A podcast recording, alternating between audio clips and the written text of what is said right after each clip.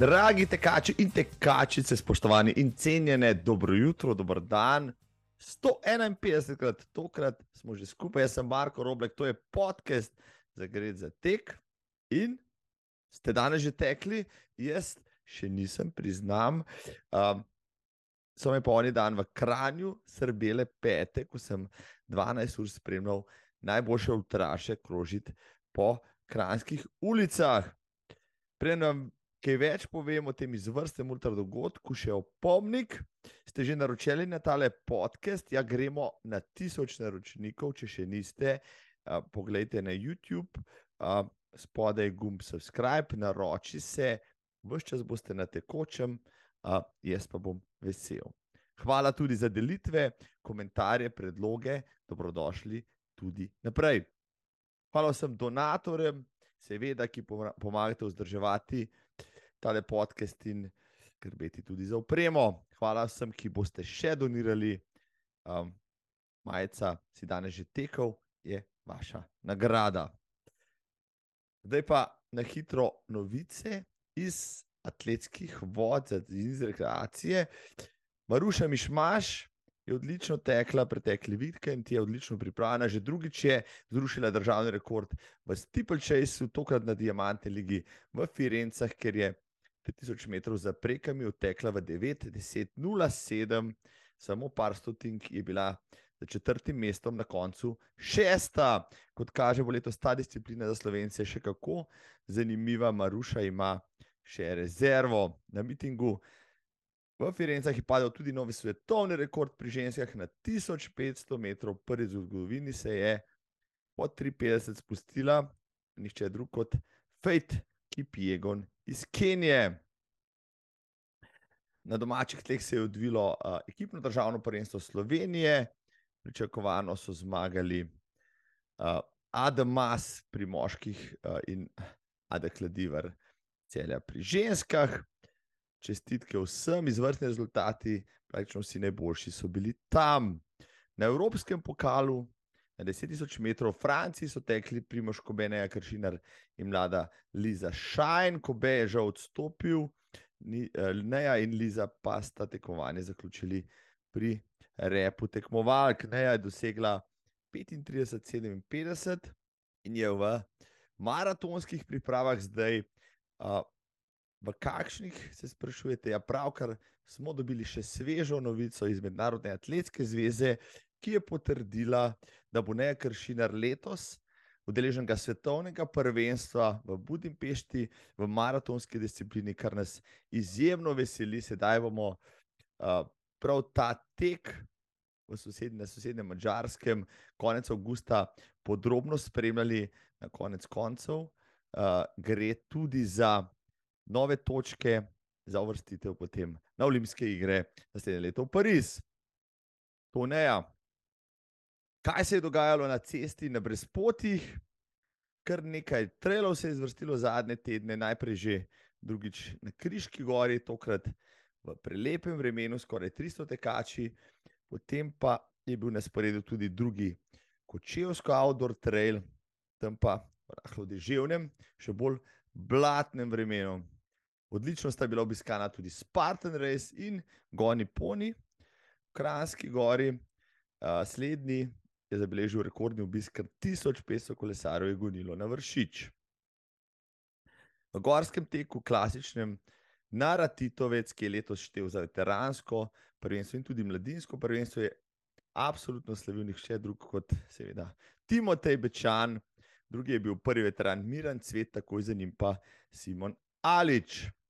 V ukrnjeni konkurenci in malo slabšem vremenu je pred dveh letih tek dobila Klara Ljubi iz Novega mesta gorski in trail tekači, reprezentanti, prihajajoči vikend tekmujejo v Innsbrucku na Tirolskem, kjer je na sporedu svetovno prvenstvo v gorskem in trail teku.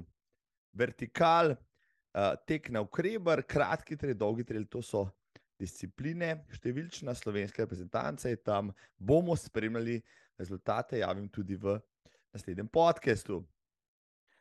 Kam pa rekreativci v prihodnih dveh vikendih, to soboto in nedeljo boste lahko trel in cestno tekli v Šmarjeških toplicah pri Alešu Lindiču. Uh, že v četrtek na Rožek Trelu v Ljubljani, soboto je tudi Milanja Trelu v Ilirski bistrici, pa znani tek v Mošnjah. Naslednji vikend je čas za tek štirih mostov v Škofilovki, pa ultra pušalce v Baški grapi in seveda tudi znani rokov tek po šmarskih bregih v Šmarju pri Jelšah. Vabljeni na vse omenjene. Sedaj pa kran na drugo državno prvenstvo v 12-urnem teku. Prizadevna organizatorja Klemen Boštar in Maja Rigač sta pripravila izjemno dirko z glavnino najboljših slovenskih tekačev, pa seveda tudi v rekordno udeležbo iz tujih držav. Tekači so prišli kar iz 20, tudi iz Tunizije in Tajvana. Dirka je bila organizirana v sodelovanju z AK Ultramaraton Slovenija in občino Kran, ki je, mimo grede, prav tej prireditvi lansko leto podelila častno plaketo in Kran je spet videl izjemne boje za državne naslove in nove rekorde. Konkurenca je bila res huda. Že pred štartom smo napovedovali, da bi ugodnih vremenskih razmerah lahko dosegali res izjemne številke. No, in res vreme je prizanašalo, kljub toploti, sonce ni bilo premočno, veliko krat se je povlačilo, rahlo je pihalo, dežja pa razen nekaj kapelj nismo bili deležni. Tudi nova proga, še malo bolj ravna, je pripomogla, da je na koncu Kran doživel kar tri rekorde prog, pri moškem 12-urnem in pri obeh 6-urnih tekih pa še italijanskega ženskega na 6 ur, moškega bosanskega na 6 ur, romunskega ženskega na 12 in tudi hrvaškega moškega na 12 urnem teku. Zmago, absolutno je rekord proge 161 km in 250 metrov, je odnesel švicar Pascal Rüger, ki je potegnil že na štartu in potem vodil celotno dirko. Res, res silovit napor, za njim so se razvrščali med dirko Srb Šulja, ki je kasneje odstopil, pa Hrvat Kruljac, ki je bil drugi na koncu, tudi z hrvaškim rekordom 150 km. Odlično je tekel Uroš Srnec, pa je moral zaradi poškodbe odstopiti, tako da je na koncu v državnem prvenstvu sledil prekaljeni Domen Kozjek, pred prav tako znanima Borisom Ivanovičem in Tomašem Kališnikom. Pri ženskah je bilo tudi zanimivo, po začetnem vodstvu Romunke Mare Guler je kasneje povedla in rekordno zmagala Annalisa Fiti iz močne italijanske reprezentance pred omenjeno Romunko in prvo Slovenko Marjeto Gomilšak, novo državno prvakinjo, ki je slavila pred Alenko Pavc in Špelo Šaus. Vreme, ki je bilo izvrstno tudi za publiko, je na krožno dirko privabilo na stotine gledalcev od blizu in daleč in posebno zadnji dve uri je bilo vzdušje neverjetno, kot še enkrat na nogometnem derbiju. Večer pred dirko smo že otvorili dogodek v Lajrevi hiši v Kranju, smo izvedli pogovorni večer. Rdeča nit je bila prihodnost ultramaratona in ta okrogla miza gostila kar osem gostov, dva moderatorja in očitno temo, ki ne privlači samo ultrašov, pač pa tudi ostale kreativce in ljubitelje teka nasploh. Črne, Kozjek, Miklič, Šulja, Petrovski, Mara Guler ter legendarni Janis Kuros in organizatorka Maja Rigač so se razvrstili med govorci. Ja, ampak da smo lahko pogledali v prihodnost, smo najprej morali vrednotiti sedanjost in vse, kar je vodilo do do nje, zato se je razvila zanimiva debata, mestoma tudi ognjevita, a to je bil samo še dodatni čar v pričakovanju nedeljske dirke.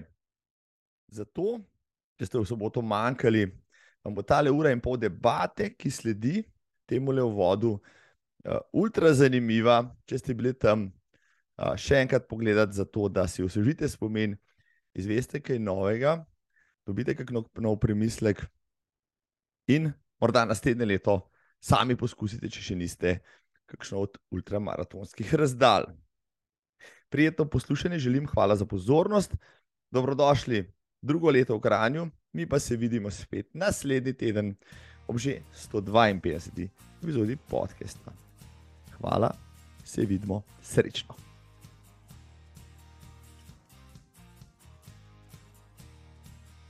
Zbrali res dober večer na tematskem pogovornem večeru pred šestim, kaj ne da, šestim slovenskim 12-urnim tekom v Kranju, v Gorenski prestolnici.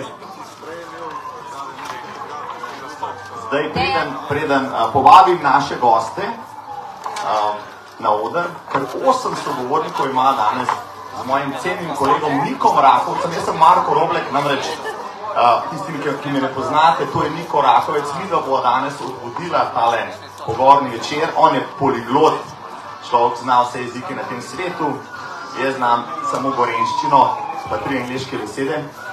Tako da sva idealen par, to bova počela tudi jutri 12 ur, tako da vsi, ki naj danes ne boste imeli dosti, da ne boste imeli zika. Nekje sem se. Um, no, ta pogovorni večer gre tudi v živo na Facebook, Irina Mezeri skrbi za povezavo. Um, snema se tudi ta pogovor in bo v naslednjem tednu, če bo vse po sreči, to potem tudi 151 epizoda podcasta, da gre za tek, za vse tiste, ki jih ni zraven, pa boste lahko to vrteli.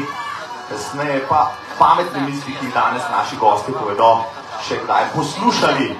Zdaj pa, um, spoštovana publika, spoštovani gostje, Niko,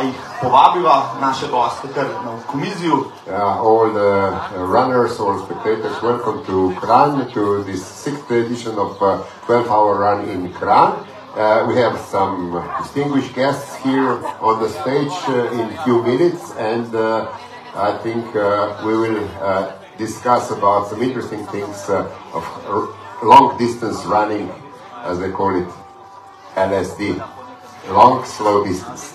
Don't think it wrong. Uh, Marko, s kom bo začela? Z Bogom. Dela začeti sredino našega omizja, tudi letos je z nami, tako kot lansko leto. In preden ga povabim na oder, da vas vse tukaj upozorim tamle, ja, vidite tole majico, ki bi si da se jo kupiti uh, z motivom uh, Janisa Kurosa, je, on jo podpiše osebno in zdaj ga vabim na oder. Grški bog teka, svetovni rekorder na 48 ur, 1000 km in 6 dni, Janis Kuros, Grčija.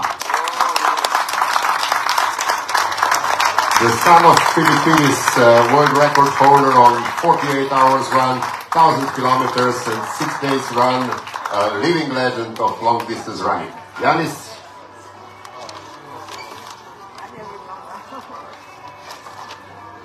Izvoli, Janis, številka s tvojim imenom je že pripravljena. Z nami je tudi polski rekorder na 12 in 24 ur, tretji najhitrejši na 24 ur na svetu, Andrzej Piotrowski, Polska. Ante Piotrowski, the record holder in 12 and 24 hour run uh, of Poland, and he holds also the third uh, time uh, in the world uh, of all times in 24 hours run. Z nami je tudi rekorderka Romunije na 26 ur, zmagovalka teka na 1000 km v Grčiji, Mara Guler, Romunija. We also say a warm welcome to Mara Gule from uh, Romania, who won several long distance races, also 1000 kilometers in Greece and uh, six days uh, polycore race, so uh, very experienced long distance runner. Srbije prihaja njihov rekorder na 6 ur, na 12 ur, na 24 ur in na 100 km. Mihajl Šulja, Srbija.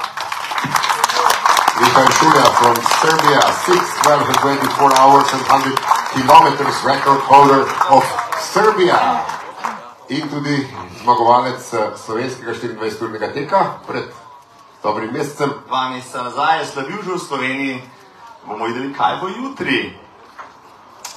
Uh, legenda slovenskega teka, petkratni balatonec in petkratni špartatlonec. Ni čudnega, da je tudi predsednik atletskega kluba Ultramaraton Slovenija, Mirko Miklič. pa tudi udeleženec vseh petih 12-urnih tekov po ulicah Kranja.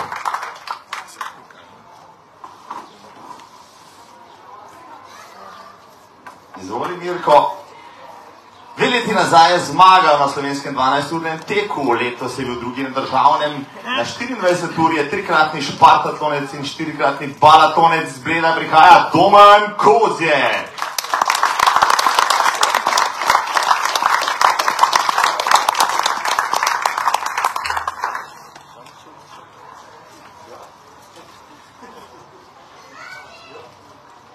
Ker smo v Kranju se spodobi, da je z nami tudi podžupan. Lani je tekel na 6 ur, naredil je 50 km, z nami je Jani Črne.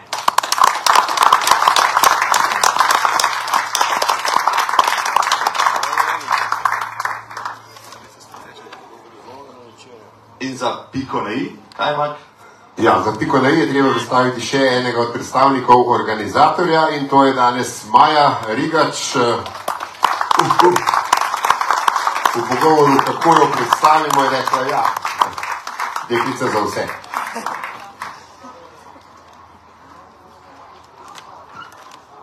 Tako veliko nas je, zdaj vem, da boste imeli veliko vprašanj, časa bo na koncu dovolj. Če ste nestrpni, še vmes lahko pomahate, ni problema. Naši gosti bodo z veseljem odgovorili. E, začnimo pa, seveda, na moji desni, dame imajo prednost, Maja. Marko, kaj, če bi se mi prvi slikali, ker tvoj soimenjak ima namreč eh, na, Blejskem, na Ljubljanskem gradu še en koncert za pofotkat, pa je rekel, če lahko mi prej se slikamo. So uh, first, our photographer has another concert at 8 o'clock in Ljubljana Castle, so he would like that we make first a picture, so everybody takes uh, this uh, bit and uh, we will pose for him. Uh, Klemen, Klemen Poštar se išče, Klemen pet zraven na fotko, da bo nekaj lepega še. Ja. Pa sem te hotel že na foro, Altner. No, Marko, hvala. Fotke obdele še danes, pa pošljem, ja. Hecam te, hecam te. No, Zdaj pa res lahko začnemo. Um, Malo se prehitevamo, ampak nič ne te ure, 18.44, eno urco imamo na razpolago.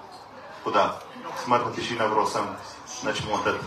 Maja, v Kranju šestič zapored, ne? oziroma četrtič zapored, v Kranju šestič zapored je slovenski 12-urni tek. Um, tisti, ki postavlja Gorensko in Kranj na zemljevid premium ultratekašnih destinacij. Kako si ti zadovoljna z upravljenim delom doslej in ker je tema prihodnost ultra teka in jutri še danes tudi še prihodnost, kakšne novosti z ekipo ste pripravili za letošnjih 12 ur v Kranju?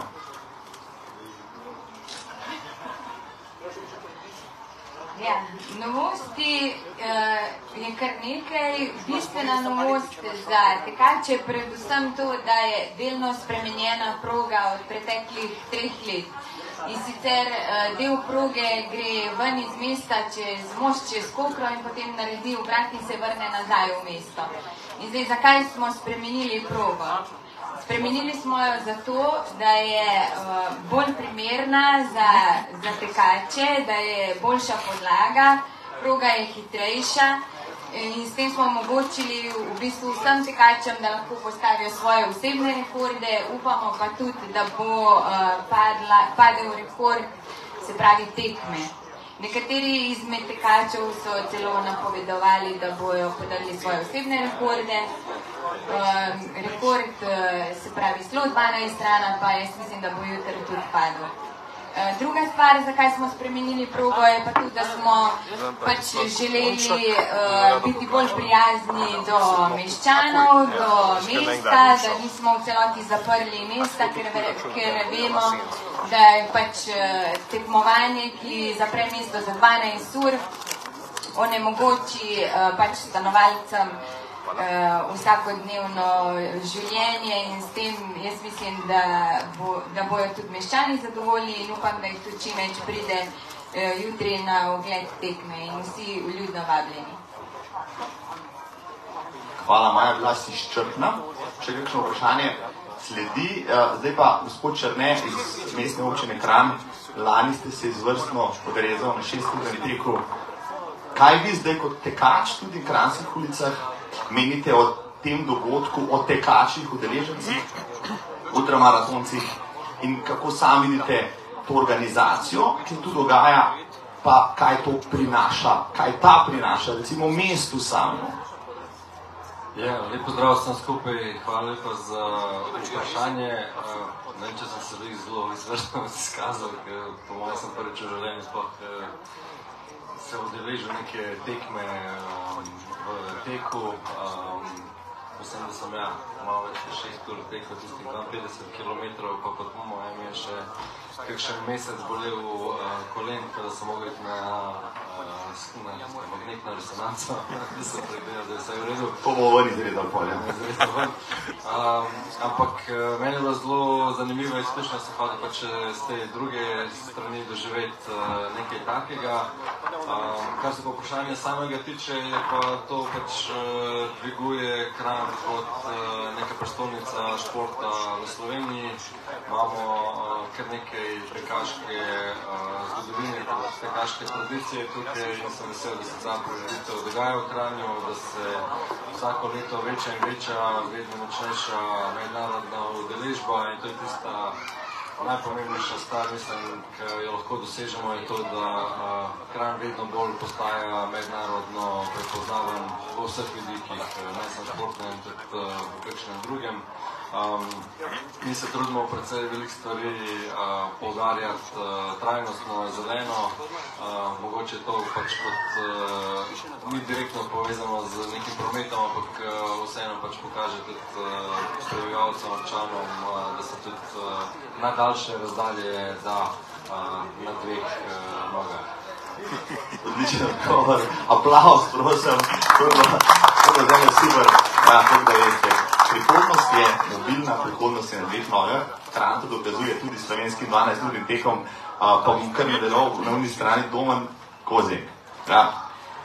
Na največjih tekmah si zraven si veteran največjih tekaških prireditev, spremljaš ultra sceno, jasno, sam si preskusil marsikaj. Zdaj, svetovni rekordi, vsi rekordi praktično padajo kot zastavo. Zakaj ti misliš, da je temu tako? Zakaj ta boom zadnjih 5-10 let, da je vse, kar je bilo nekoč svetega ultramaratona, zdaj že preteklost? Ja, lepo, da vse smo moje strani.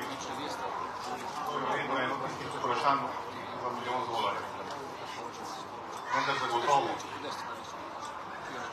Jaz mislim, da večino, večino tega, zakaj rekordi, Ja, vidim.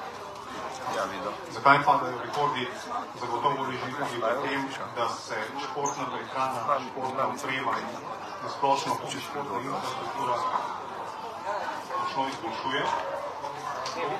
In seveda tudi z generacijo v generacijo, populacija tudi mi, ljudje, z generacijo v generacijo se tudi naš DNK spreminja in to je tudi podlaga za boljše rezultate.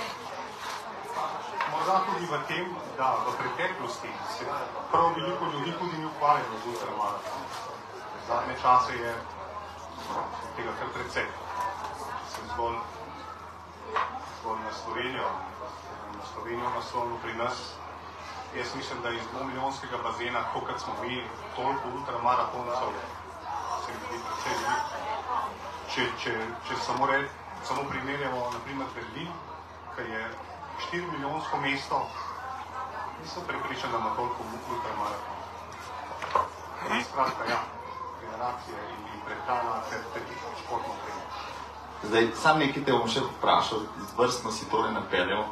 Slovenija ima res veliko športnikov, recimo je to individualen šport. Zakaj misliš, da so ravno ultramaratonci v Sloveniji tako pogosti, nekje drugje pa ne? Kaj je povezano z našo uh, s preteklostjo, z našo naravjo, z našim mogoče kakšnim kompleksom? Mislim, da je to zadnje, da je to naš kompleks, kompleks majhnosti in če hočemo si izboriti svojo, svojo pot v svetu, je, nam ne preostane drugega kot boj. In to je tudi zapisano v nas samih in, in boj. Mislim, da si povedal ja, zelo zanimiv citat, ki ga bom še kdaj uporabil. Ja. Hvala, Domen. Uh, Mirko Miklič, na moji desni, predsednik Kakusa, veteran ultrascene, uh, dlje kot večina tistih, ki bodo jutri tekli uh, na kranskih ulicah. Kako ti vidiš stanje ultramaratona danes naj si bo skozi prireditve, skozi popularnost med tekači, ki jo je že omenil Domen, pa skozi sam razvoj panoge, ki se dogaja, kar ti spremljaš. Lep pozdrav.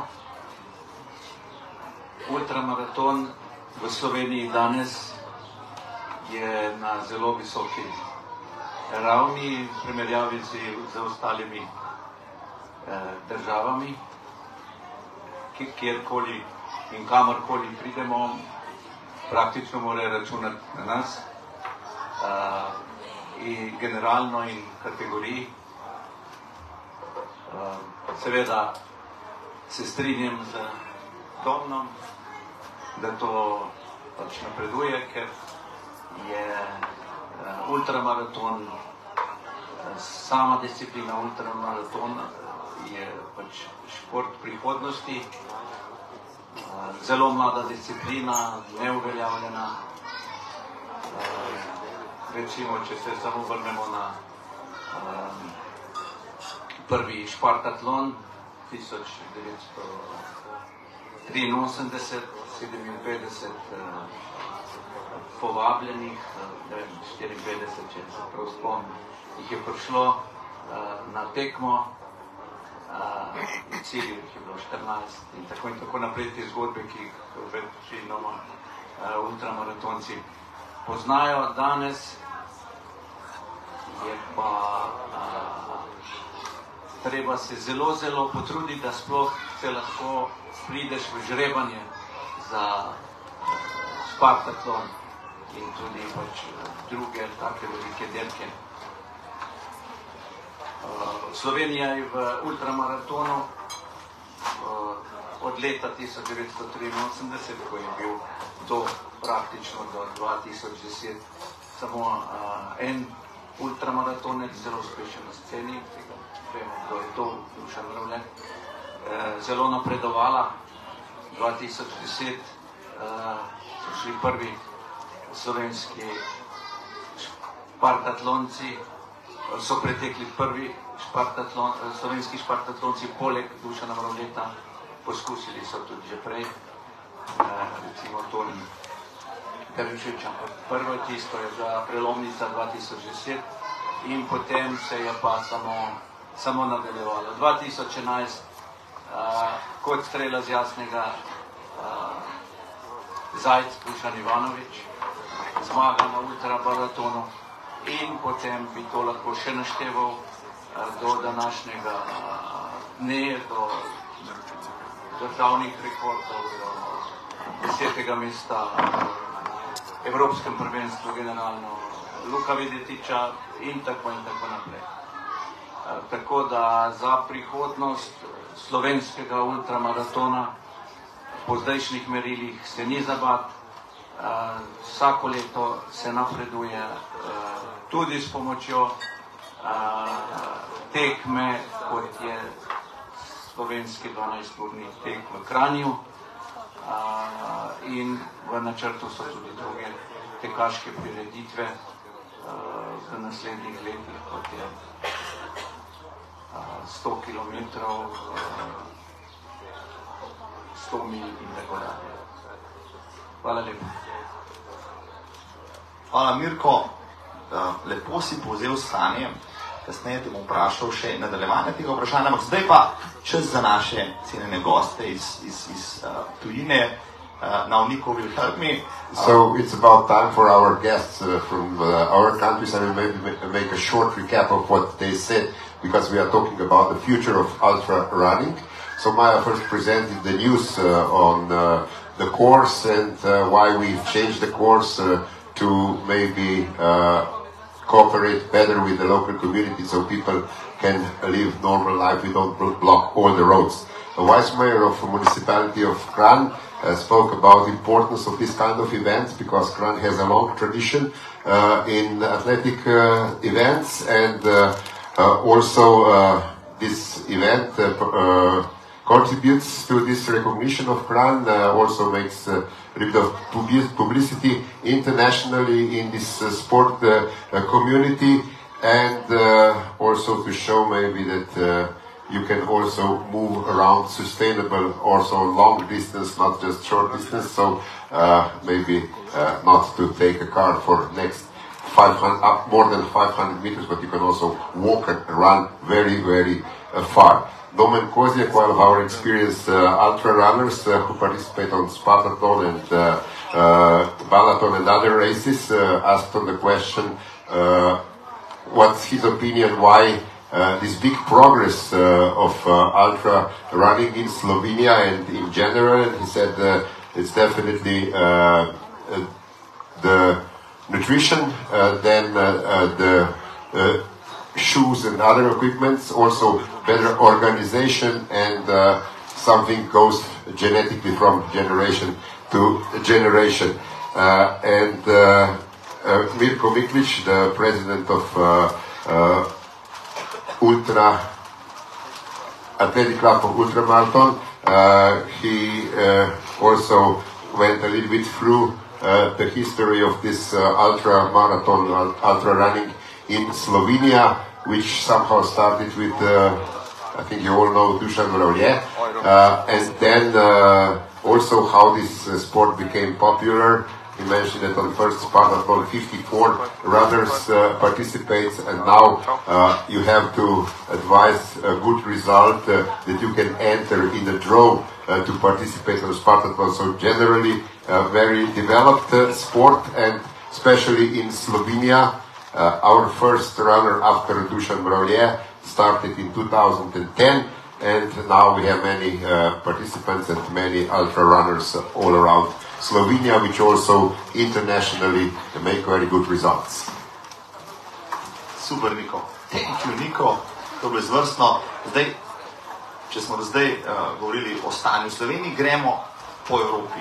Imamo super goste, ki bodo znali kaj povedati o tem, kaj se pri njih dogaja. Namreč po podatkih Nemške ultrazaveze, ki zbira in vodi statistiko, naj bi v lanskem letu bilo na svetu kakih 10% več ultratekaških prireditev, število tekačev pa je bilo uh, više od leta poprej kar za 14 odstotkov.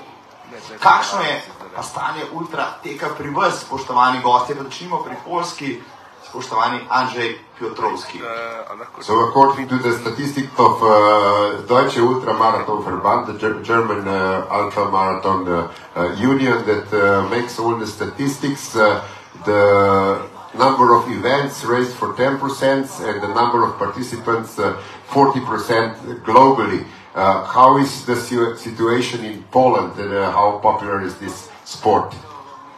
Uh, I think that it become popular uh, recently in the last years, and I think that uh, we can thank for that uh, to our Pol- Polish girls, which won uh, few international uh, championships in the 24-hour races. And I think that it was it was uh, the moment that uh, the guys also I don't know start trying harder or smarter, better. So this year we also was able to uh, compete uh, as a team for for the podium, and it wasn't uh, like in the past years that only one, maybe two, two guys did a good result. Uh, today, uh, today, uh, last year on the European Championships, we had a full, full, prepared, well prepared team. Yeah, we had the honor last year to host Patricia Bereznovska here with us, so uh, really good athlete.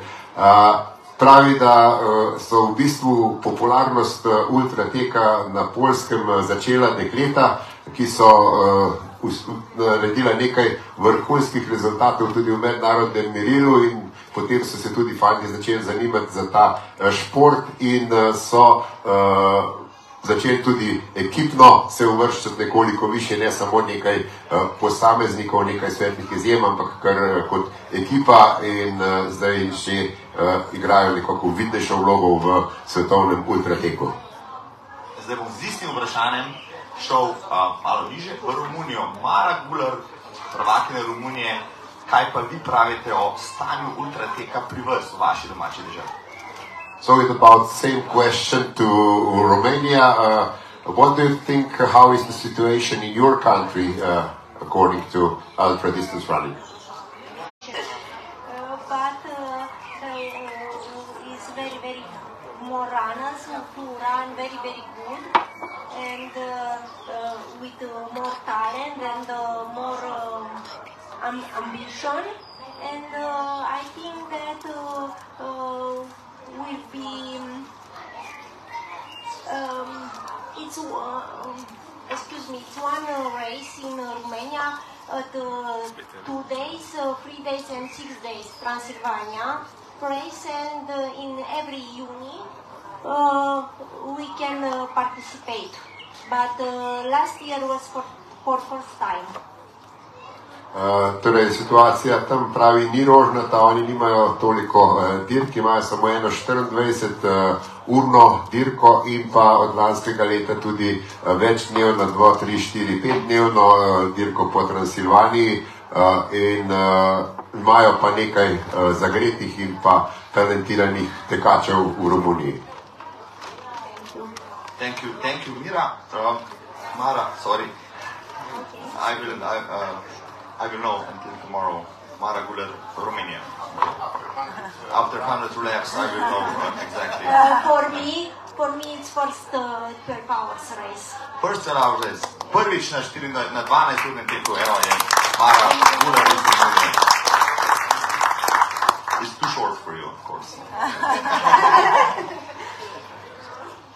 Can I? Can I break? Please, yes, please, Andrzej. Uh, after, after Ma- Mara uh, speech, I think that uh, the thing that uh, made also this change is the coaches that uh, got more involved into, into this uh, kind of sport. Uh, like for Romania, the, there is a band which training a few top runners, and also in Poland we've got, the, for example, my coach, which having uh, also few uh, few top runners for Poland. Uh, from Poland, there is also known this uh, Sebastian, which uh, coaching uh, uh, Alexander Sorokin. So I think that um, coach also uh, got more involved into into, into this. Uh, how how to prepare better. Andrzej je dodal eh, k Marinjemu eh, izvajanju, da je verjetno tudi zelo pomembno, da so se tudi atletski trenerji, eh, ki se prej niso zanimali za te dolge distance, začeli za to zanimati in raziskovati, študirati, kako pripraviti tekače za kakšno daljšo razdaljo, tako da imajo v Romuniji, v Romuniji enega Bena, pa na Polskem dobre tekače, ki dela tudi z Sanjo Sorokinom. Mihal Šulja, Srbija. V Srbiji imate izvrstne tekače, vi pač izstopate v zadnjih letih, rušite rekorde kot zastavo, imate pregled na tem, kaj se pri vas dogaja, kakšno je stanje ultrateka v Srbiji ta trenutek recimo. Dobar dan svima, hvala što imam čas da se ovdje. Pa što se tiče Srbije, najiskrenije mislim da kvalitet ide na bolje, ali fali nam masovnost, kvantitet fali i, to ne vidim zadnje vreme da, da ide na bolje, nažalost. Mislim da u Srbiji ako se pojača malo na masovnosti da će doneti neki kvalitet malo bolji malo bolje, što ne kažem i sad je solidno, ali može to još bolje, ali fali, fali takmičari u Srbiji, nažalost. Ampak tekem imate pa veliko, sorazmerno ali kako, ali ne? Kako izvinite mi sad? A, takmičenja da, takmičenja još, da da, izvinite, to je, to je lepo napomenuti da postoji organizacije, ima, ali kao što sam rekao, fali, fali još malo više takmičara. Potem sledi logično vprašanje, kako jih pa navdušiti, recimo, kakšen je mogoče vaš recept, gospod Šulja? Nažalost ne znam, da, da znam savjetovati nekako, ali jednostavno to valjda mora da ide svojim nekim tokom. Pošto je u Srbiji inače trčanje jako lepo povodi. Dosta, dosta puno više, ja sam kasno počeo da trčim pre 10 godina i bilo je možda 50% više ljudi trenutno sad trči nego što je trčalo. Ali nekako se ne otkreće kao ultramaraton toliko. Hvala. Uh, Mihal, tega ne rabim prevajati, ne več ste vsi razumeli. Um, mogoče čez uh, potek tega pogovora ugotovimo, kakšen je recept, da še kakšnega svežega ultraša tudi v Srbiji navdušimo za tek.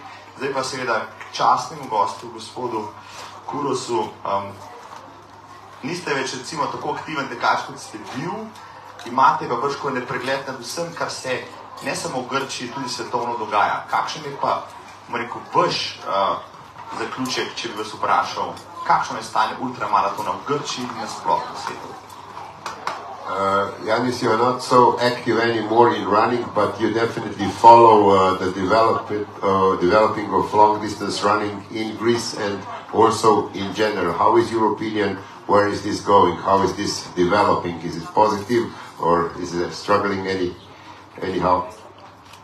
Okay. Good evening, everyone. Uh, thank you to be here with you, and I wish you all the best for tomorrow. Uh, well, my opinion is that, uh, of course, it's a positive thing that many people are involved with running in general, and also for long distance more than marathon, uh, which is the positive thing. But this is uh, the quantity. The quantity helps the community to be involved with sports, not to be involved with other negative things. But uh, to me, uh, what counts is quality. Uh, I'll give you an example about Greece. For instance, in race events like 5K, 10K marathon, we, had better performances 40 years ago. So there's no uh, positive movement towards performances. And I believe the same happens to, to events longer than the marathon, like ultra running. And this is something that happens uh, all over the world. We see many people coming to the events, which is good for uh, race directors, as I say, better for community. But to me, it struggles because people believe in uh, technology. Uh, they don't know that uh, the abilities in the inner world of the person. And that, that's how they struggle because they believe in training. To me, coaching does not count beyond the marathon. It's a personal thing. Of course, in Greece, we don't have good coaches even for the marathon. But for long ones, it's a personal issue, I believe. So I expect a better movement towards performances, but also towards uh, fair play, because I see technology goes against fair play time. Uh, torej, najprej vse pozdravil uh, in uh, pravi, da je zelo pozitivno, da opaža, da veliko več ljudi teče, ampak da pri njem uh, nekoliko bolj šteje kvaliteta kot kvantiteta in uh, da so grški tekači tako na 5-10 na maratonih uh, pred 40 leti dosegali precej boljše čase, kot jih uh, dosegajo danes in pa da se predvsem pri treningih preveč za- za- zanašajo na neko znanost in pa na uh, neko tehnologijo uh, in ne na tiste uh, osebnostne lastnosti, na psihično pripravljenost. Tako da pravi, da tudi s tem, ko se preveč tehnologije uvaja v sam šport, zdaj Marko bo več vedel o teh karbonskih ploščah in teh podobnih copatih in vsem ostalim, pa hladilne majice in karkoli že je. Uh, in s tem seveda se nekoliko izgublja ta fair play uh, v športu, ker si pač z opremo preveč pomagajo nekateri. To je lahko provokacija, ali pa ne. No, zdaj, vedem noge, nas, a smo tim hoka, tim naj, razen tebe, Miško je izjema, ampak vsi stali smo naj ali pa hoka, to že nekaj pomeni. Ne? Pa kar podložene so te copate, najbrž. Um, pa bom ko izval Andreja. On se sigurno ne strinja s tem, kar je rekel, uh, ali pač. Tehnologija, uh, copat in vsega drugega je sestavni del športa nasploh. Ne samo pri teku, tudi kje druge. Kolesarstvu, recimo, pri plavanju, ja, tudi so pri balinanju gotovo, ne, to ti niko bolj veš, ne, te hecate, hecate. Andrej, eh, si lastnik tretjega najboljšega časa na 24 ur, 301 km od teku v 14 urah, a veste, koliko je to? Ok, ne veste, ne znate da računati, bom jaz na hitro računal, to je hitreje kot 5 minut na km 14 ur. Ja, 54 na km 14 ur. Ja? To je težko. To je s kolesom, da je aplauz. 301 km. 3001 km in 24 hours. Tretji najboljši čas. Torej, kaj pa ti meniš o tehnologiji, Andrzej, po tem, uh, da danes rekordi padejo, morda tudi zaradi nje? So, Andrzej, uh, you are the owner of the third uh, longest distance run in 24 hours, uh, a very quick run. And what do you think? How does the modern technology supports these results? And where is the limit? Sanya announced that he will run 200 miles in 24 hours. Uh, about the technology, um, my first uh, national record I made in uh, old uh, New Balance shoe uh, without the carbon or they wasn't even uh, new in a good shape. um, but about the modern shoe, I I changed I cha- or maybe uh, my my story with um, current current uh, current choice with with the Nike and Alpha Fly or Vaporfly. It's uh, because of my problems with uh, Achilles tendon. Uh, because of that, I was looking for some different solution which will uh, let me continue my training and uh, lead me to new results. So I uh, changed the shoe just because of my uh, kind of health issues. And after all, after this, uh, I'm running uh, in that show uh, for the second year. So I think that uh, it helps me to train a bit uh, more, uh, to keep a bit higher weekly mileage. But I think that overall speed of my trainings, or generally my training, uh, changed a bit. That uh, I'm basing it more, more on a mileage than on a speed work. So it, I would ha- I would say that it helps uh, because of the uh, suspension that this uh, shoe can offer. So uh, our muscles don't get such, such damage with uh, stronger trainings. So maybe it don't help uh, so much, at least in ultra uh, on a race, but it helps uh, during the preparation that we are able to make uh, cover more, more, more training sessions.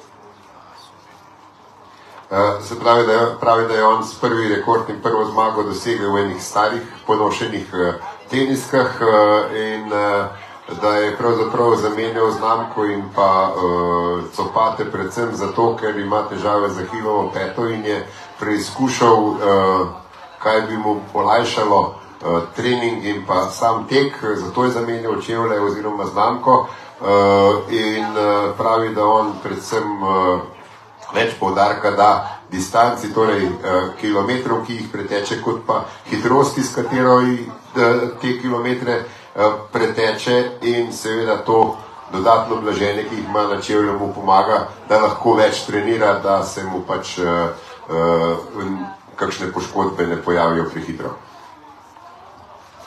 Janis, uh, vaš rekord iz leta 97 je bil takrat tako dober, 303 km, namreč v 24 urah, 303, tako dober, da je veljal za nepremagljivega, da bo obstal vsaj 100 let, no, zdaj dve leti nazaj, je bil prvič podrt, da že drugič, uh, obstal je 24 let. Kaj pa vi menite, če bi tekel takrat v copatih, za katere pravite, da dajo mogoče kakšno prednost, koliko kilometrov bi pa vi odtekel takrat več, recimo, kot 303? Uh, your, uh, Janis, your record in uh, 24-hour run was uh, 303 kilometers uh, uh, 24 years ago. Uh, we can also say with just a normal shoe, uh, no modern technology. What do you think? Uh, would it be different? Would it be the distance much longer uh, if you would have this modern technology at that time? Of course. of course.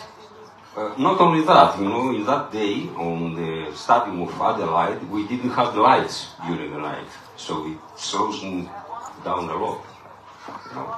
Plus, some people they, ra- they run alone in order to break records, which is, as I say before, not there's no fair play because I have to pass people every now and then from the second or the third line. According to the shoe, also I had to change shoes, especially six-day races. I had 21 pair of shoes. Can you imagine to stop every often again and again in order to change because they bothered me here, they bothered me there, then I changed again, etc. So I disagree with what Ajay said before that the, these people do not help. They help a lot. Plus, I say the main thing is as this thing is higher, the steps are longer. So I can accept, let's say in the marathon, that it helps a little. In ultra run, it gives you kilometers. Kilometers, especially in multi-day races. So that's why this is an event. In that day, not because of the light, but because of the technology. My plan was to run 320. And I say to myself, in those conditions, I should run 312 in those conditions to answer the questions. But in general, I disagree completely because, you know, there's no uh, comparison. There's no, you cannot compare performances of today, uh, technology with the past. Because we run, as I, you say, Dusan Bravely, I respect Dusan Bravely performance in Spartathlon, which is 24 hours. It's better than about two and a half hours better.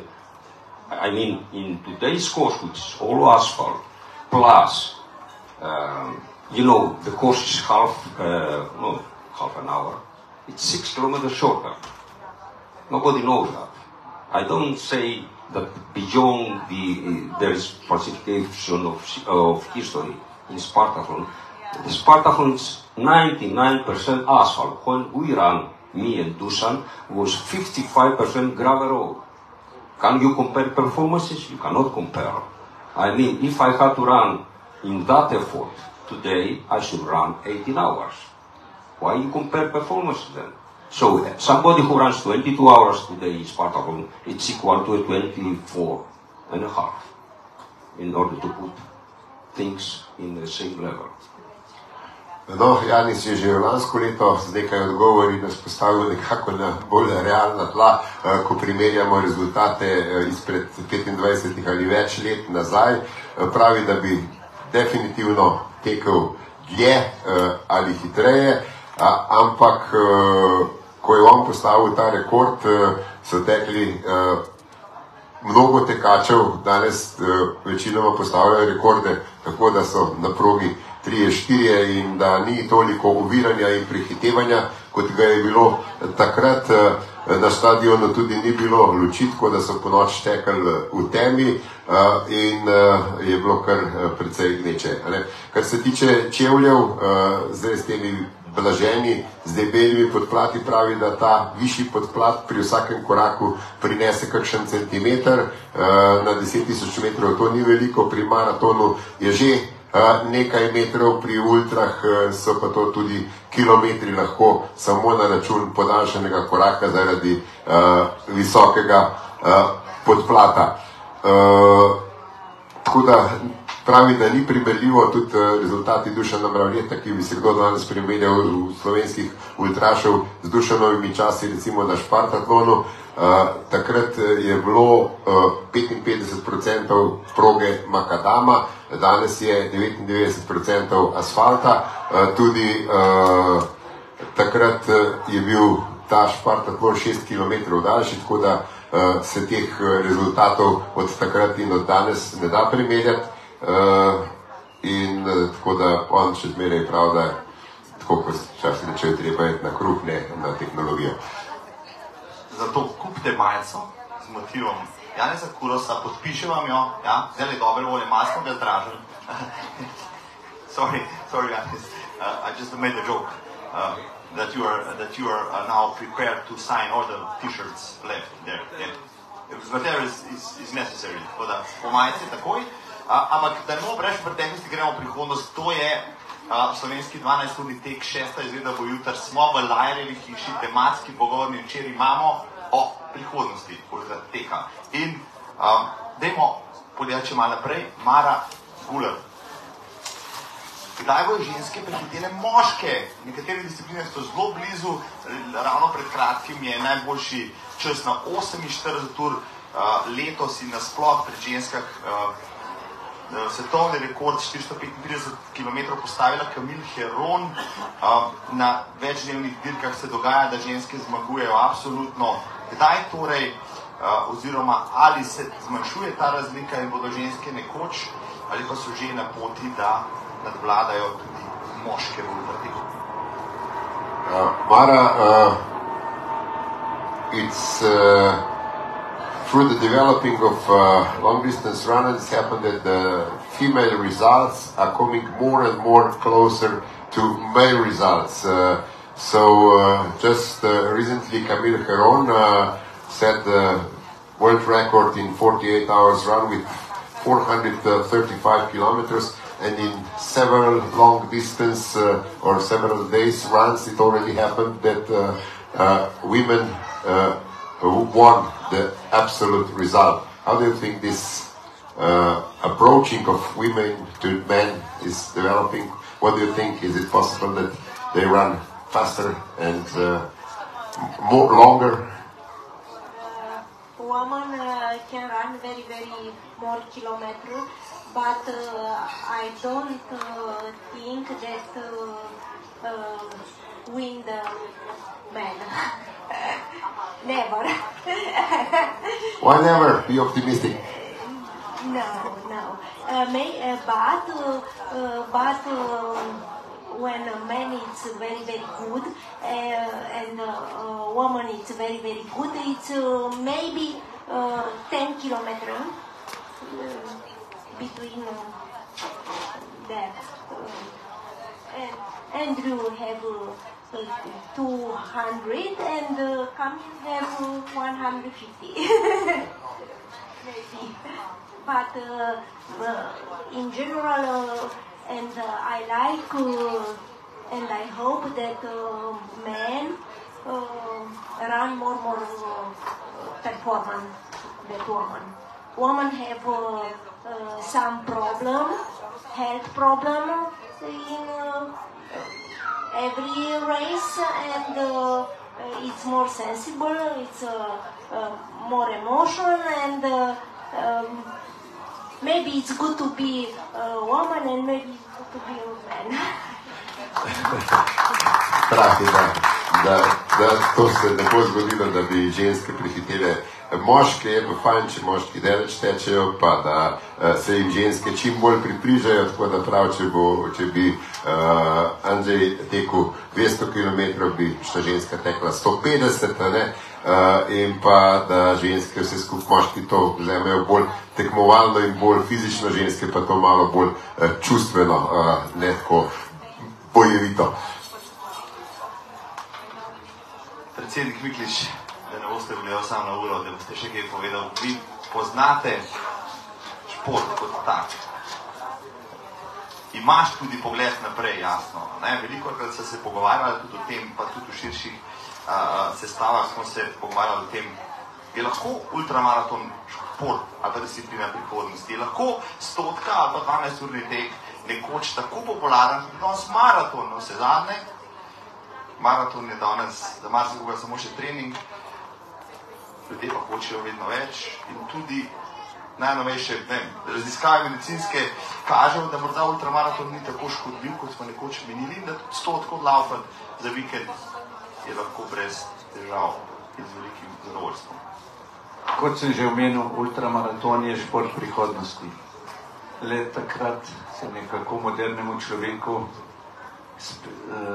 spet spremeni v pogledu, da ni telefonov, ni uh, vsakdanjega uh, davenja in tako naprej. Bi se pa povrnil prej in dal repliko gospodu Janisu Kursu.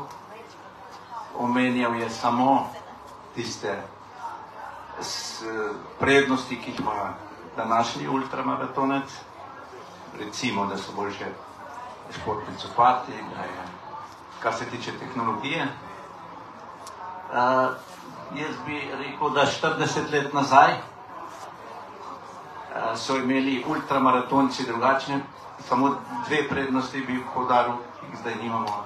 Imeli uh, v primerjavi z današnjim časom čistejšo vodo, so imeli ozračje hladnejše v primerjavi, če poročila o klimatskih razmerah in tako naprej držijo.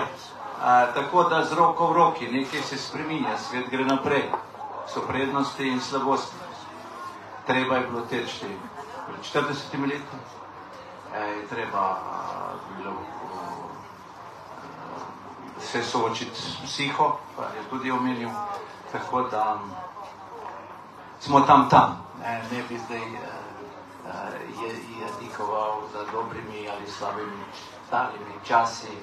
Uh, tukaj smo in zdaj. Prihodnost ultramaratona je vsekakor uh, svetla.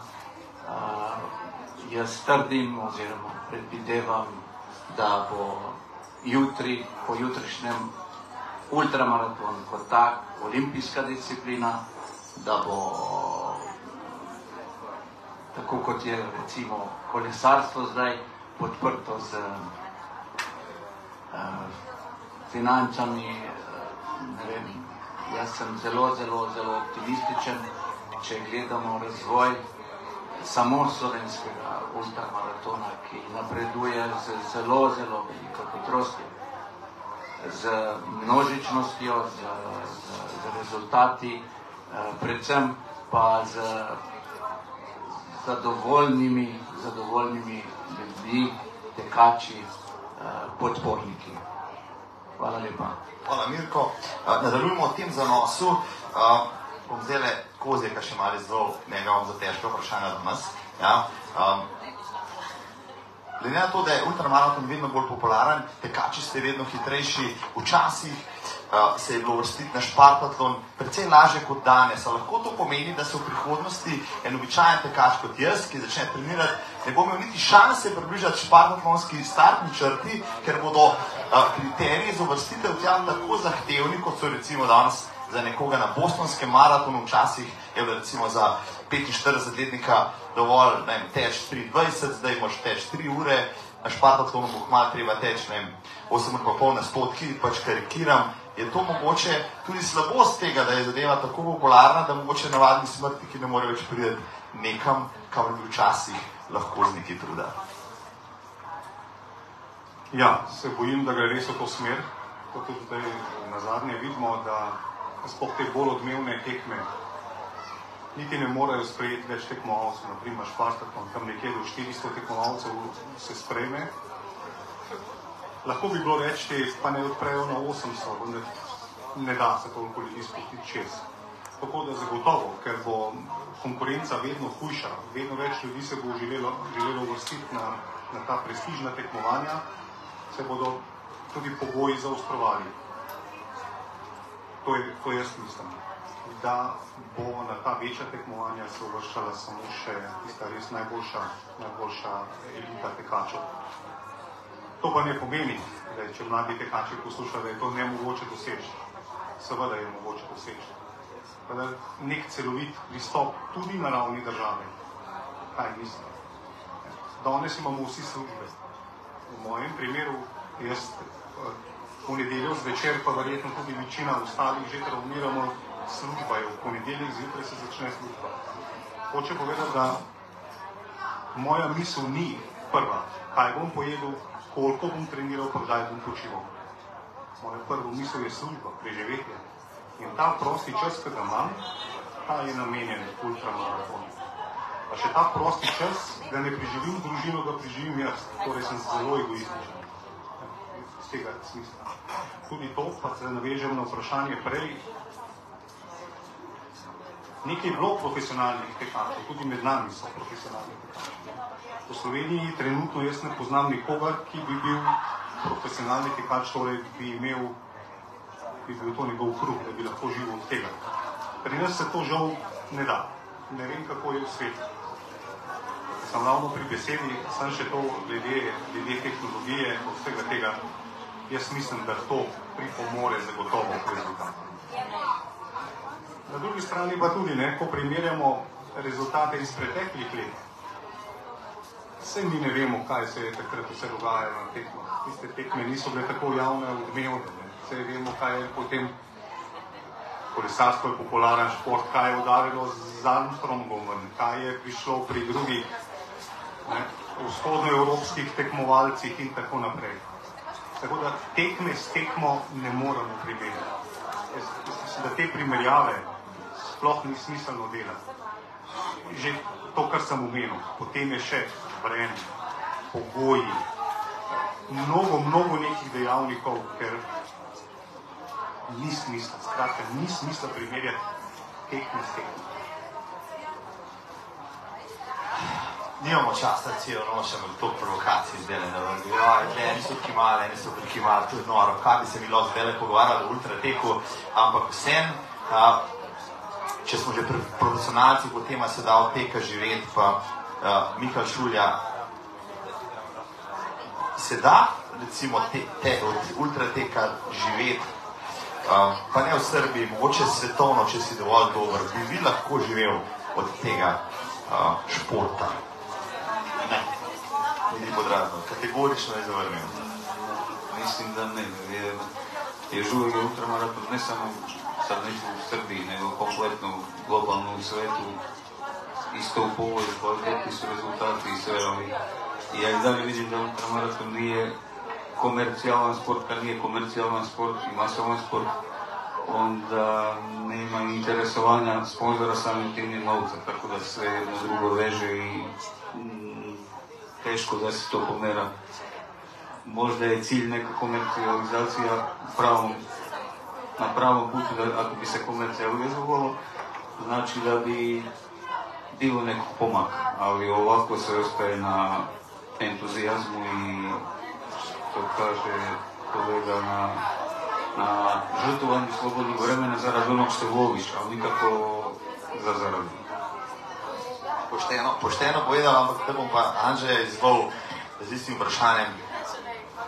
Vas, gospod Piotrovski, prepoznavajo sponzori, lahko dobite kakšen evro ali pa lahko celo profesionalno tečete, bi lahko tekli, se ukvarjali s tem, kar radi delate, tudi da preživite.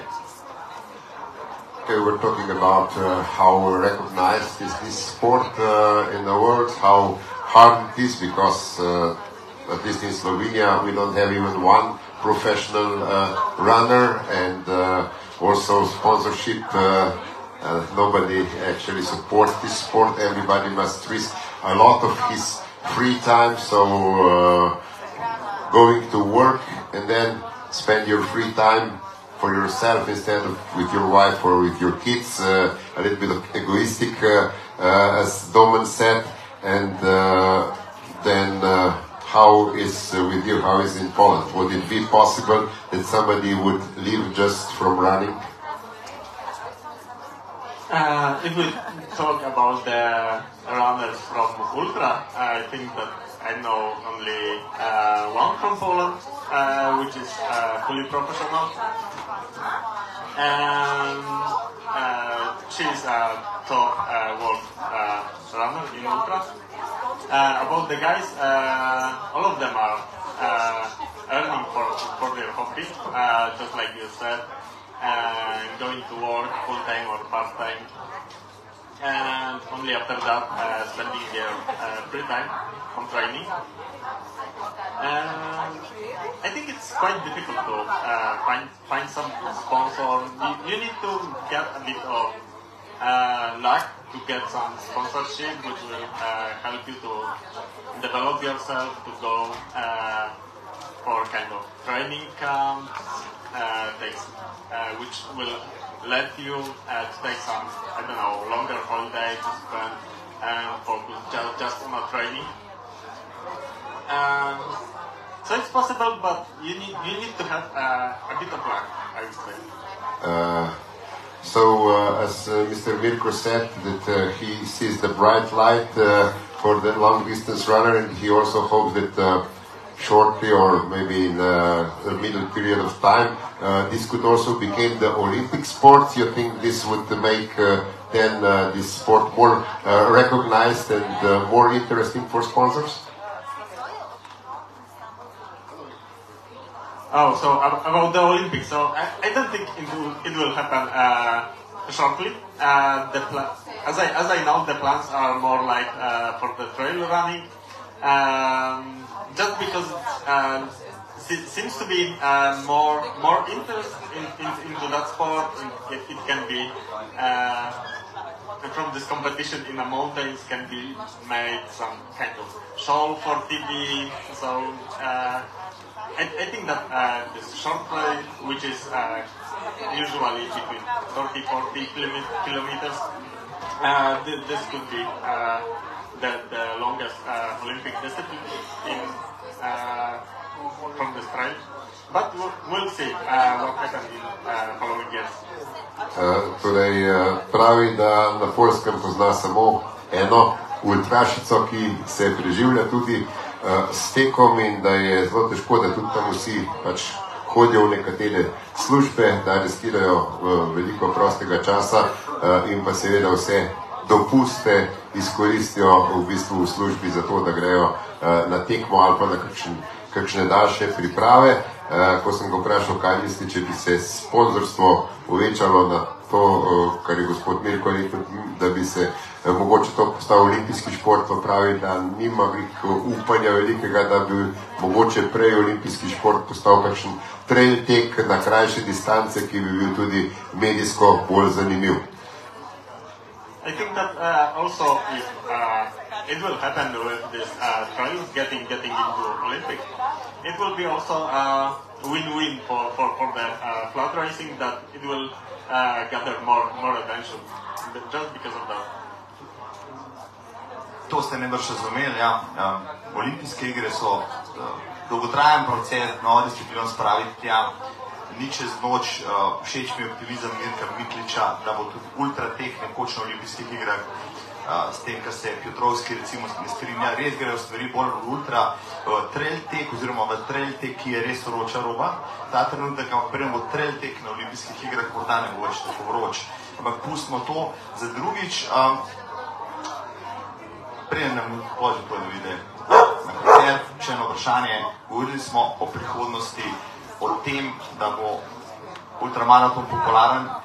Če, če je lahko popularen, mora imeti veliko tekačev, mora imeti veliko prireditev. Če hoče imeti veliko prireditev, mora imeti veliko zagretih mestnih oblastnikov, ki so naklonjeni temu, da se mesto recimo zapre.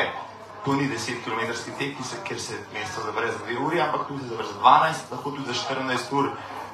Najbrž so tudi kakšni učinki v Kranju, ki so onkraj uh, samo tega, kar nudi uh, dirka tekačem, tudi neki turistični uh, obiskovalcem, na vse zadnje prepoznavnosti mesta, to smo že prej govorili. Um, bi zaprli Kranj tudi za 24 ur, če bi se recimo Klemen pa Maja spomnila pa naredila to prireditev. um, ja, zakaj pa ne? Um, Aplaus, aplaus. Ja. Uživa na Facebooku. Skupnost smo jutri linčala.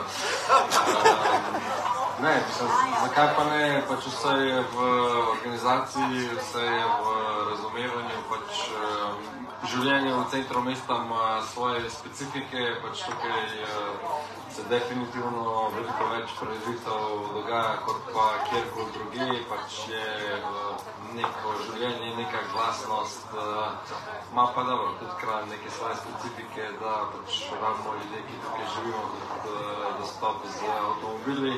Ampak po drugi strani moramo pa spet razumeti, da ko neka prireditev je, da pač takrat uh, avtomobil seveda ne boš uh, uporabljal. Je zafrknjeno, ampak uh, se da pravo organizacijo pa z razumevanje na obeh straneh. Tako da, Če bi bilo tako zorganizirano, kot uh, verjamem, da uh, 12-urni tek je, bi se po mojem tudi za 24 ur dalo uh, to narediti.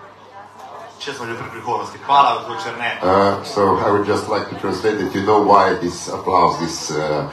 Uh, Marco asked the Vice Mayor uh, if it would be possible uh, to organize also 24 four hours run if the municipality or the, the, authorities would be uh, in favor of this. Uh, and he said if it is organized good as this 12 hours run, then uh, no problem to close the, the, some roads also for 24 hours. And everybody cheered uh, for this answer. Hvala, Niko. Uh, zdaj, Urca bo za nami, zdaj bomo samo še eno vprašanje a ne. In predvsem našim tekačem, šestim, uh, ki so tule, ali pa rečemo petim, pa prehranimo Janisa za konc. Ja? Aktivnim petim tekačem, ki uh, računam, da bodo uh, čez pet, deset let še zmeraj aktivni. Moje vprašanje njim vsem po vrsti se sledi. Uh, najprej rečemo, da skrišimo skozi, kam ta vprašanje lažje, a ne? ta ne bo še najtežjega. Um, govorimo o prihodnosti, se pravi, ultramaratonci, zmer planirajo, hvala, gospod Črne, um, ultramaratonci gledajo zmer dlje kot običajni tekači, jasno, najbrž tudi pri svoji karieri. Torej, kje sebe vidiš, ne? Po ultrateku nasploh, čez pet, pa recimo čez deset let. Ne? Kaj bi rad dosegel, kam segajo tvoji plani, glede na to, kam gre ultramaraton, kaj bi rad odtekel še v tem času in kaj boš. recimo. Ja, najprej upam, da mi bo zdravje služilo. Če bo ta pogoj izpolnjen, seveda upam, da bo. Jaz ciljev velikih nimam. Moj največji živ- življenjski cilj, kar se tiče ultramaratona, je bil špartatlon.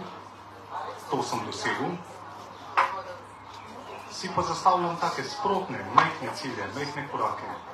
Najbolj me motivira to, da sva, da sva z mojo ostanko skupaj, da gremo skupaj na tek. Ker jaz mislim, da to utrdi tudi to življenjsko vezo.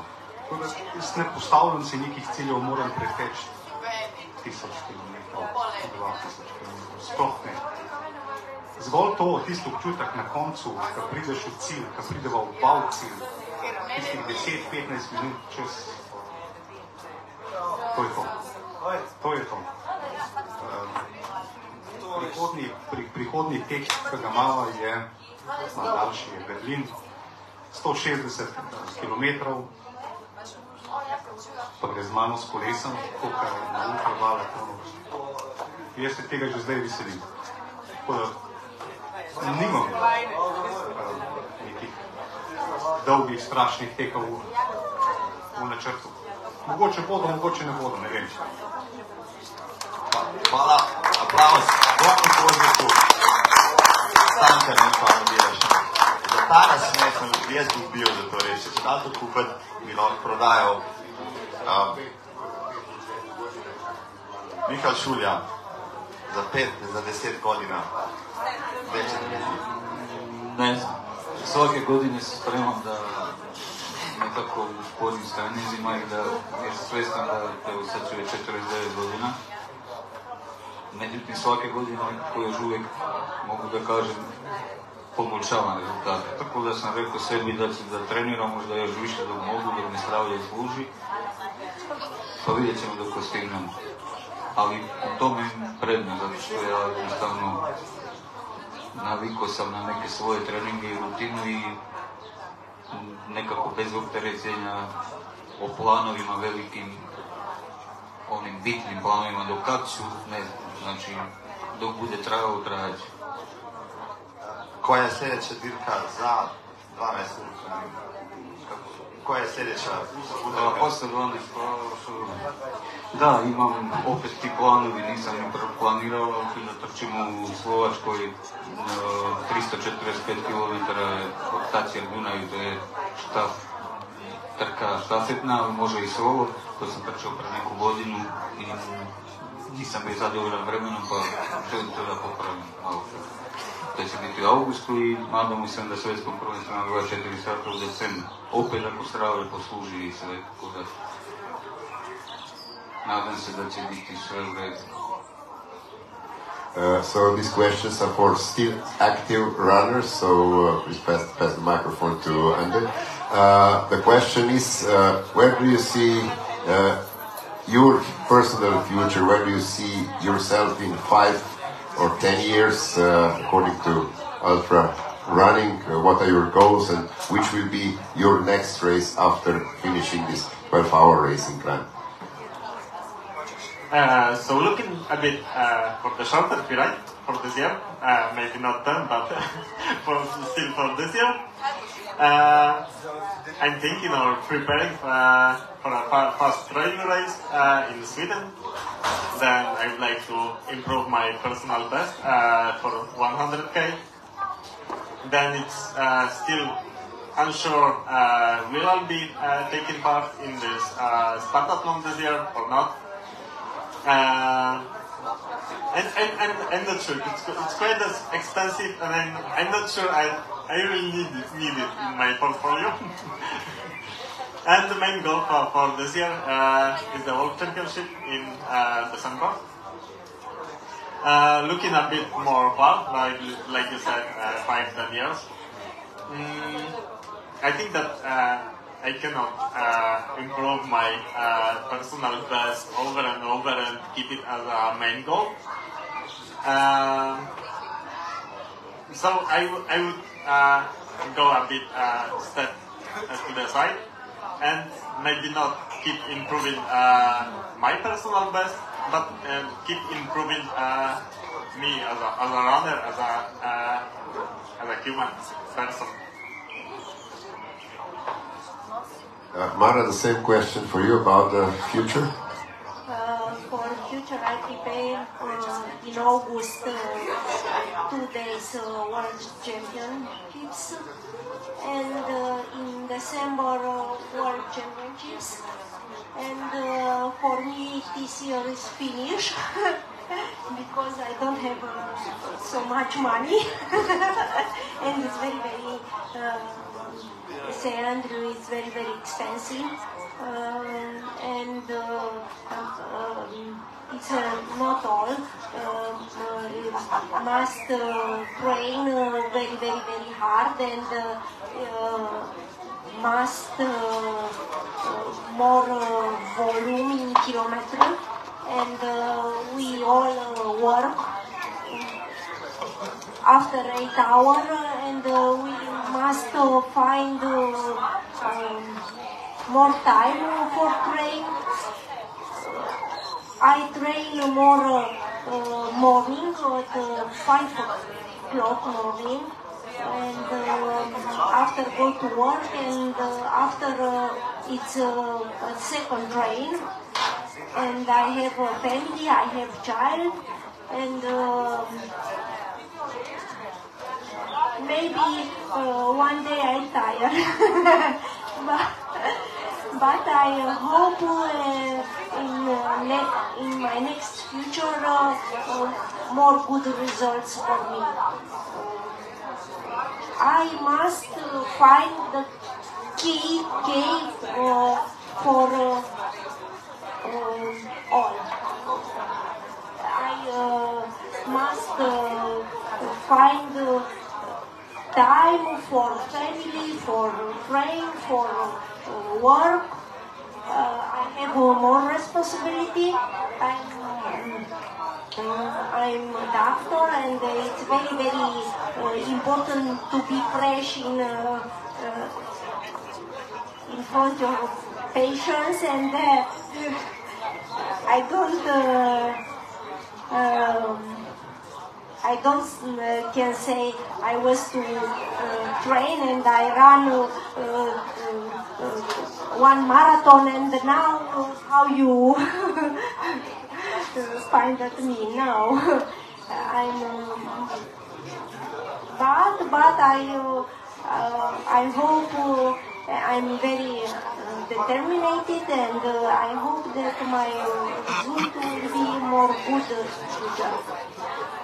Thank you very much. Uh, Mirko, vas isto vprašanje o prihodnosti v letošnjem letu in pa seveda v naslednjih letih. V letošnjem letu je še uh, Bedwater, dolina smrti, potem pa čez deset let bom vesel, če bom lahko z lahkoto ali kar pač se lahko z lahkoto teče 100 km eh, leto primerno. Uh, ker zdaj le bo 58, se pravi čez 10 let bo 67. Ja, bom vesel, če bom lahko sploh tekel. Uh, ker pač tečem, kolikor lahko, koliko čas dopuščam. No, to je to. To, da se je Mirko nasmehnil, danes je bilo vreden tega vprašanja, pa čakate en uro, 15. Prihodnosti ga morate sprašovati, ne v preteklosti, da se bo nasmehnil. Bravo, Mirko. Mirko, večji optimist, to je dobro, to je to, ga imamo radi. Um, Maja, kaj a ne, ne bom vprašal, kje boš tekla čez 5-10 let, ampak kaj boš čez 5-10 let delala, da dela s plemenom, oziroma boš sama se plemenom na več dal, a ne, boš priheten se, priheten se, kaj bo, Klemen vse posluša. Ne, ne, pa dobro si rekel. Ne, Dobro ne, Klemen bo pač Gledamo, da je ideja, ti boš pa izpolnjeval, ne, kot smo rekli, ne. Tudi to se hecam. Zdaj pa čisto resno vprašanje.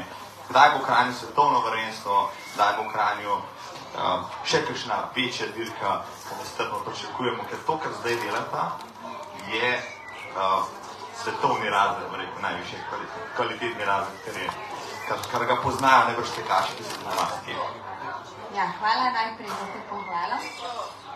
Vidim, da si si dobro zapomnil od lani, kaj sem rekla in to še vedno drži. Klemen ima ideje, jaz jih pa 90% uresničujem. a ne. In Zdaj, tukaj je že več eh, sogovornikov danes rekel, da je eh, prihodnost ultramaratona, da je svetla, da vsi upamo, da se bo nekaj na tem področju dogajalo. Tako tudi mi dva razmišljala, imamo željo, da bi v Kranju organizirala ali evropsko ali svetovno prvenstvo. In jaz mislim, da si Slovenija zasluži, da ima, da ima take vrste prvenstvo. In uh, problem je samo v tem, da, kot je bilo že večkrat tudi uh, danes rečeno, da pač podjetja ultramaratona zaenkrat še ne prepoznavajo uh, kot um, neko investicijo, kot neko motivacijo, tako da na tem področju se mora še marsikaj spremeniti. Ampak verjamem, da to ne bo ubil te najne želje, da se bo gnala še naprej in da bo tako kot do zdaj vsako leto delala tekmo še boljšo, še bolj na vrhunskem nivoju. Evropsko ali pa svetovno pa prvenstvo pa jaz tudi mislim, da pride enkrat. To, to zasluži to, to, to, to, to je strašna slika na tem večeru, spoštovani, spoštovane, res. Uh, Luškem pogovorju, lahko bi z Nikotom ne, še nadaljevala, ti boš hitro povzel za naše goste, potem pa sledi samo še finalno vprašanje za, za Janisa Kurosa, pa zaključimo ta večer, seveda vaše vprašanje sledi, Niko izvoli. Uh, so about the future, uh, the Slovenian Croatian runners said that uh, uh, it's not all about uh, Clemens. It's not all about. Um, Domen said it's not all about time, about the results, but also the quality spent time uh, uh, with his partner. They go to the races together. So their next goal after Bled is uh, uh, after uh, Kran is uh, Berlin, uh, and uh, she will accompany with him with the bicycle, same as she did on Balaton Run, and then uh, said that this 15 minutes after the race, uh, uh, all the emotions come out, and this satisfaction uh, is uh, very, very big. Uh, then to make these results better also for, for the others. Mirko said maybe next uh, goal in short is uh, Bedwater race, where he will meet one of the racers that participated here last year, even Penalba Lopez. Uh, if you didn't notice, he sent the message uh, to 12-hour running run. He said that he was very glad that he could participate last year, and he's really sorry that he can't be here. But uh, his main goal is now Bedwater, so he's preparing for that, that race back in Spain. Uh, and uh, then he said, uh, what's going to be in 10 years? Uh, I will be glad if I will be able to run 100 kilometers, or maybe I will be just glad if I will be still be able to run. So it's all about health uh, and all about uh, how you will feel the time that at older age is not so important. It's more than you are still able to move far and uh, quite fast. Um, no, zdaj res, finalno vprašanje. Uh, ne bom Janica Kurosa vprašal, kaj meni o tem, da so včasih imeli boljši zrak, pa niže temperature, danes imajo pa boljše copate, pa boljši asfalt. Pustimo to uh, uh, za kdaj drugič. Pa vprašanje, prej je Mihael Šulja lepo rekel, sem ga vprašal, kaj je recept, je rekel, če bi imel odgovor, uh, na to, kako navdušiti mladce ali pa tekače nasploh za ultra, bi bil lahko bogat. Jaz sem vprašal Boga teka, ne? on pa zdaj pozna nek, nekdanje čase, sedanje čase, vse pozna, pozna nove tekače, stare tekače, točno nekaj je recept, da a, bi nekdo se navdušil za tek. Pa ne samo to, da bo sedel mogoče na odru na slovenskem 12. na teku nečer prej, ja, zato moraš biti kar nekaj posebnega, ne, Maja, ne more biti vsak. Ampak ne, kaj, kaj še dati, kaj dati tistim, ki te poslušajo, pa niso še tekači, um, pa tisti, ki bodo to poslušali, pa gledali, pa rekli, ok, mogoče bom pa naslednji let probal šest ur, uh, mogoče bom videl, če se bom res kaj v temu najdel. Dajmo eno zaključno misel, gospod Janis Kuros, vi znate to tako poetsko povedati. Izvolite. Uh, so, as we are discussing about the future of uh, marathon, uh, it's also uh, a question now. The number of uh, marathon and long distance runners is growing constantly, but still, uh, maybe your advice. You know how the the uh, long distance running uh, was developing in the past, and also you know the situation now. What would be your opinion or your advice how to inspire more people, maybe also younger people, uh, to show them how beautiful this sport is and uh, that uh, it's worth, even though there's no big prize money in this sport, uh, just how to inspire, how to get maybe uh, in many countries there's one uh, long distance runner and so he can participate with his national team how to spread this idea of long distance running around uh, maybe advice to some maybe in, Serbia he said that uh, it's not so popular. They have many races but they don't have runners. How to inspire runners to decide maybe to go from marathon to longer distance? Uh, first of all, I I like to say that I respect what uh, Mara says, that there are some runners from countries like Romania or Bulgaria, which is very expensive to participate or to tra- transfer uh, and travel around the world, and I respect that a lot. Also, I would like, before I say or I answer your question, that something I have to correct what something about Spartathlon. Spartathlon means Sparta Athens London. So there's falsification of history. Also double Spartathlon is double falsification. Did not, did not finish in Sparta. He came back, but not from the same course as these people are doing. That's why I, I have done a lot of uh, posts in, in the media about this. So it disappoints me to talk about Spartathlon, which is just an event. You know, we recognize events who are circular, track or road.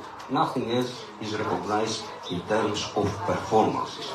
I am one member of the new uh, association of multi-days ultra runners. So there is no recognition of point-to-point events. But I stuck and I say this which is true. Spartathlon means Sparta is London. There is falsification. It's against the Greek history. That's why everybody who does that, it contributes to falsification of his history, uh, Greek history. Now, about the future. Of course, there is many ways to improve runners to move from longer, uh, from short distance to longer ones. But the main things which uh, I would like to see is to, to look inside the inner world. Because moving from fun running events, which is 5 and 10 days, it's, it's nice to go beyond. But we need to know ourselves. Does it uh, ex- express us? It's an expression. Running for me is an expression. As I write music or as I do paintings, I run. So it's an expression. If we are doing because other people are doing, so we are mimic uh, people, I don't respect. So I prefer to see people to get inspiration from the inner world of the personality, not because what happens overseas. There is, you can see, there is commercial. You know, companies they try to sell, they try to sell gels, shoes, whatever. Why we have to follow that? We have to follow our hearts. That's my opinion. And of course, there's a lot of room to improve, but again, I come back to the fair play. If there is no fair play, there is no future. Thank you.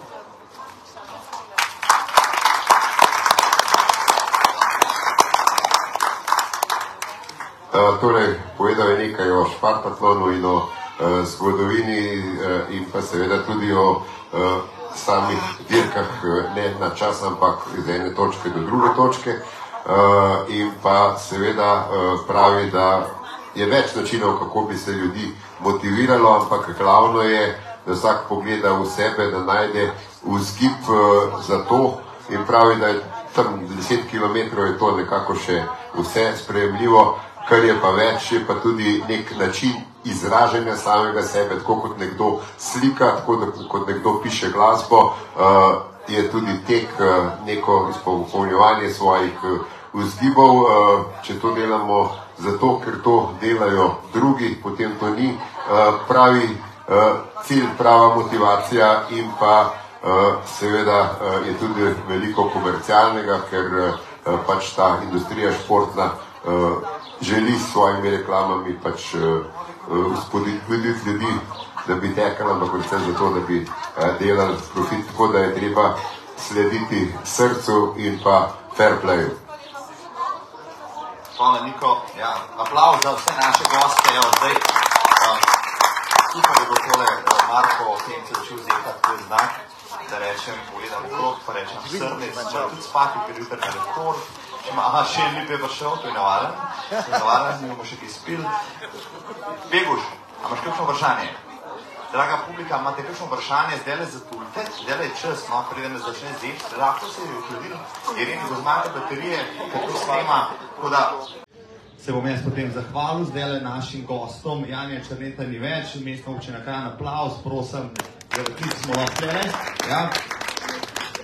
Večno zaljubljeni Domen Kozjek, aplauz prosim. Neumorni in zim zeleni Miško Šulja, Srbija.